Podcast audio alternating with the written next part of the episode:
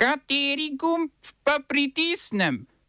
Tisti, na katerem piše OF. Splošna mobilizacija v Burkina Fasu. Menjava vojnih ujetnikov v Jemnu. FBI za objavo vojaških skrivnosti aretiral letalskega IT-evca. Nežo Kogovšek Šalamon izločili iz odločanja o noveli zakona o RTV.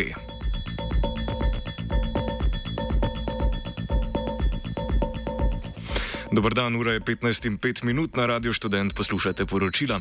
Ameriški zvezdni preiskovalni urad, znan kot FBI, je aretiral 21-letnega člana zračne nacionalne garde Jacka Douglasa Teixeira, ki je osumljen razkritja tajnih vojaških in obveščevalnih dokumentov. Teixeiru za objave grozi do 10 let zapora. Fotografije dokumentov so se najprej pojavile na Discord serverju YouTuberja WowMao in se razširile na druge Discord serverje serverje, klepetalnico Fortune, Telegram in Twitter. Po informacijah preiskovalnega urada je Tešejra tajne dokumente delil s spletnimi prijatelji v zaprti skupini vse od leta 2020, že pred letošnjim razkritjem ameriških dokumentov o vojni v Ukrajini. Objavljeni dokumenti, katerih pristnost ni preverjena, so razkrili ameriško prepričanje o šibkosti ukrajinske vojske in vohunjenje Združenih držav Amerike za svojimi zaveznicami. Iz obveščevalnih dokumentov med drugim izhaja, da je Srbija, ki se razglaša za neutralno in se ni pridružila sankcijam proti Rusiji, pristala na to, da pošlje orožje Ukrajini. Na dan so prišli tudi pritiski ZDA na Južno Korejo, naj z orožjem podpre Ukrajino, čeprav Južno Korejo korejska zakonodaja državi prepoveduje dobavo orožja državam v konfliktu. V Južni Koreji so glede na prestrežene pogovore zakonsko prepoved nameravali zaobiti tako, da bi orožje poslali Poljski.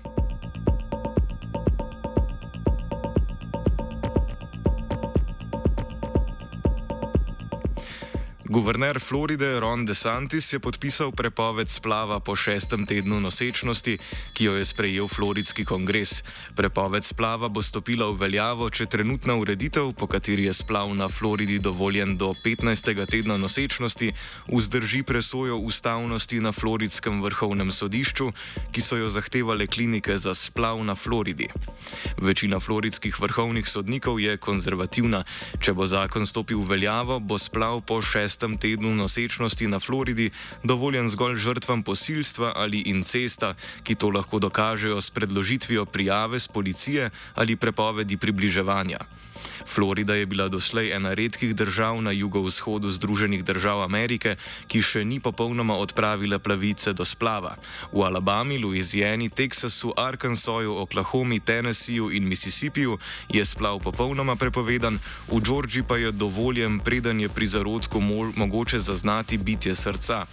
Prav na Floridi so ženske iz teh držav doslej pogosto opravljale splav.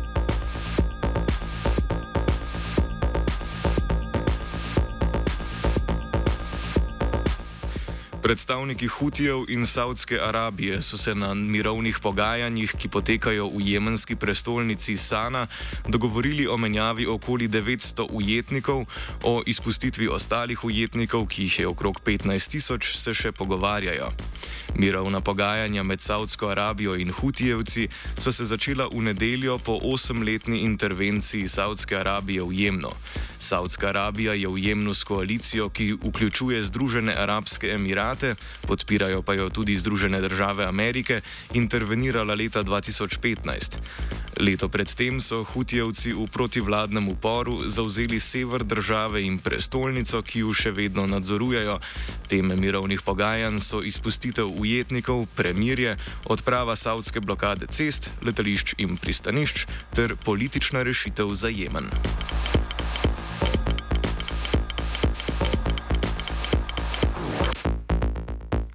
Vojaška hunta v Burkina Fasu je razglasila splošno mobilizacijo po nedavni seriji terorističnih napadov na civiliste.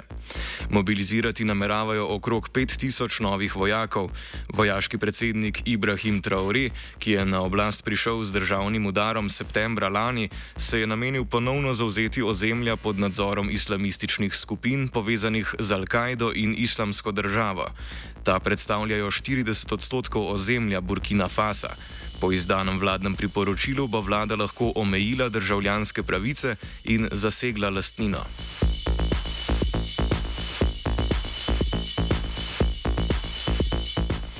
Japonska vlada je potrdila 14-milijonski načrt gradnje prvega kazinoja v državi. Načrt je predlagala japonska inovacijska stranka, vlada pa je predlog podprla v sklopu načrta za obnovo turizma po pandemiji COVID-19. Kazinoji so v državi dovoljeni od leta 2016, a jih doslej še niso gradili. Prvi japonski kazino bo v mestu Osaka, odprl pa se bo leta 2029. Vlada načrtuje tudi izgradno kazinoja v mestu Nagasaki. Smo se osamosvojili nismo se pa osvobodili. Naslednje število je še 500 projektov. Izpiljene modele, kako so se strani nekdanje LDS rotirali. Ko to dvoje zmešamo v pravilno zmes, dobimo zgodbo o uspehu.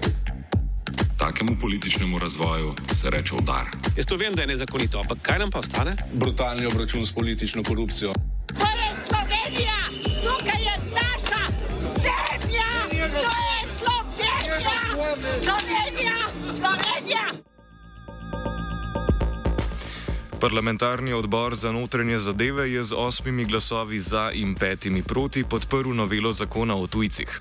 O noveli je moral odbor ponovno odločati zaradi veta, ki ga je v začetku aprila na novelo zakona sprejel državni svet.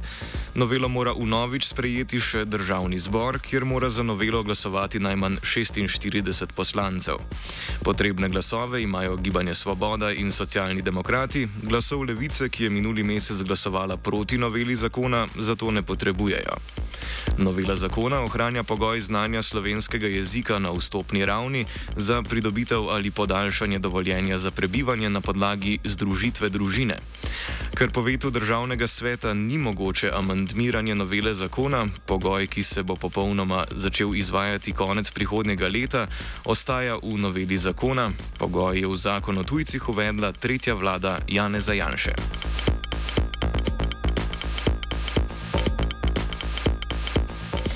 Specializirano državno toživstvo je na Ljubljansko okrožno sodišče uložilo zahtevo za sodno preiskavo nekdanjega gospodarskega ministra Zdravka Počivalška, njegove sodelavke na ministrstvu Andreje Potočnik in direktorja podjetja Gene Planet Marka Bitenca.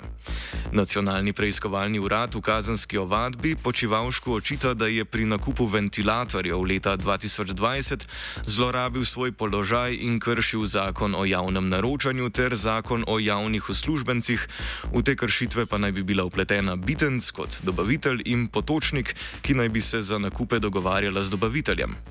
Prekršena določila zakonov se nanašajo na gospodarno ravnanje z javnimi sredstvi. Kot poroča portal 24 ur, se je med kriminalistično preiskavo spremenila višina protipravne premoženske koristi, ki naj bi znaj znašala milijon in sedemsto tisoč evrov.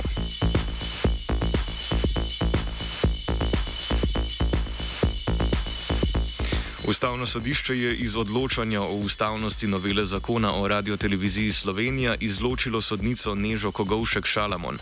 Njeno izločitev je konec marca predlagal Petr Gregorčič, prvi podpisani pod pobudo za presojo ustavnosti novele zakona o RTV in vršilec dolžnosti predsednika programskega sveta.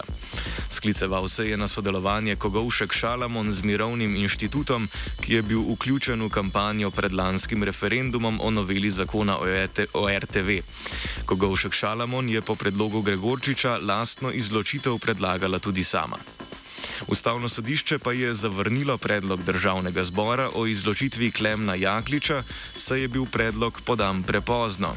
Iz istega razloga je Ustavno sodišče zavrnilo predlog za izločitev predsednika Ustavnega sodišča Mateja Ačeta, ki ga je predlagal vršilec dožnosti direktorja televizije Slovenija Uroš Urbanija.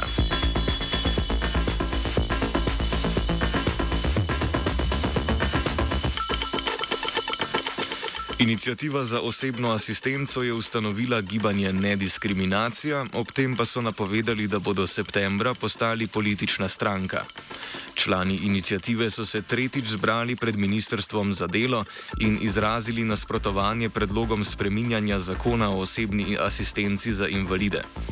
Ministr za delo Luka Mesec je namreč napovedal, da bodo v noveli zakona redefinirali upravičence do asistence. Do te bodo po napovedih upravičeni le tisti, ki jih pogajalska skupina opredeljuje kot družbeno aktivne. Mednje sodijo invalidi, ki hodijo v službo, iščejo zaposlitev ali se šolajo z namenom zaposlitve. Inicijativa nasprotuje tudi predlogu, da bi bili družbeno neaktivni invalidi obravnavani v sklopu zakona o dolgotrajni oskrbi. Kot zatrjujejo, je ta namenjen starostnikom, zato v zakon ne spadajo invalidi stari med 18 in 65 let. Ministr Mesec je članom inicijative obljubil, da bodo vključeni v javno razpravo o predlogu novele zakona. Na ministrstvu so oblikovali pogajalsko skupino, ki oblikuje predlog zakona, trenutno delovanje skupine pa nam predstavi njegova članica Mateja Toman iz Društva distrofikov Slovenije. Potekajo pogovori na kakšen način eh, presoditi, kako ta sistem funkcionira, ali se ga lahko kaj izboljša, kakšne so se pokazale anomalije, čemu je osebna asistenca bila eh, primarno uh, namenjena. Tako da nekih novosti v smislu nekega oblikovanega predloga še ni. Mogoče to preuranjena ocena, da obstaja nek nov, nov predlog zakona. Tako da težko zdaj rečem, kaj bi bila ta aktivnost oziroma kaj po novem bi ne veljalo, ker ni uh, dokončne odločitve, ampak so samo razprave, samo raz, vsebinski pogovori, kdo bi bili upravičenci po zakonu o osebni asistenci, a bi bilo tako kot doslej, a bi se to spremenilo. Seveda v uh, misli na to, da se hkrati pripravlja tudi uh, do druge stebre pomoči in podpore, kot so recimo dolgotrajna oskrba, eh, potem storitve po zakonu o socialnem vključevanju invalidov in tudi določene socialno-varstvene storitve.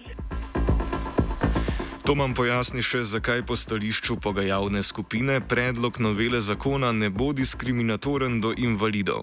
Gre za vprašanje, ne, kaj, kaj pokriva osebna asistenca ali je to pač pomoč pri nekem aktivnem življenju, ali je to pomoč pri osnovnih uh, življenjskih uh, aktivnostih in potrebah.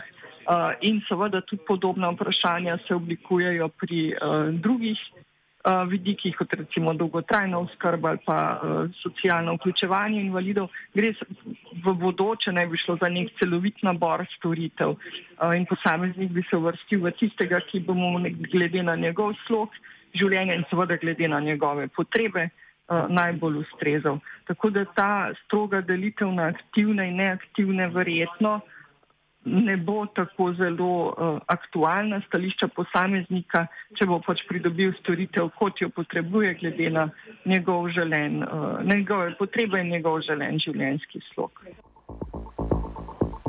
Poslušali ste off program, pripravil ga je vajenec Matej, pomagala pa Neva.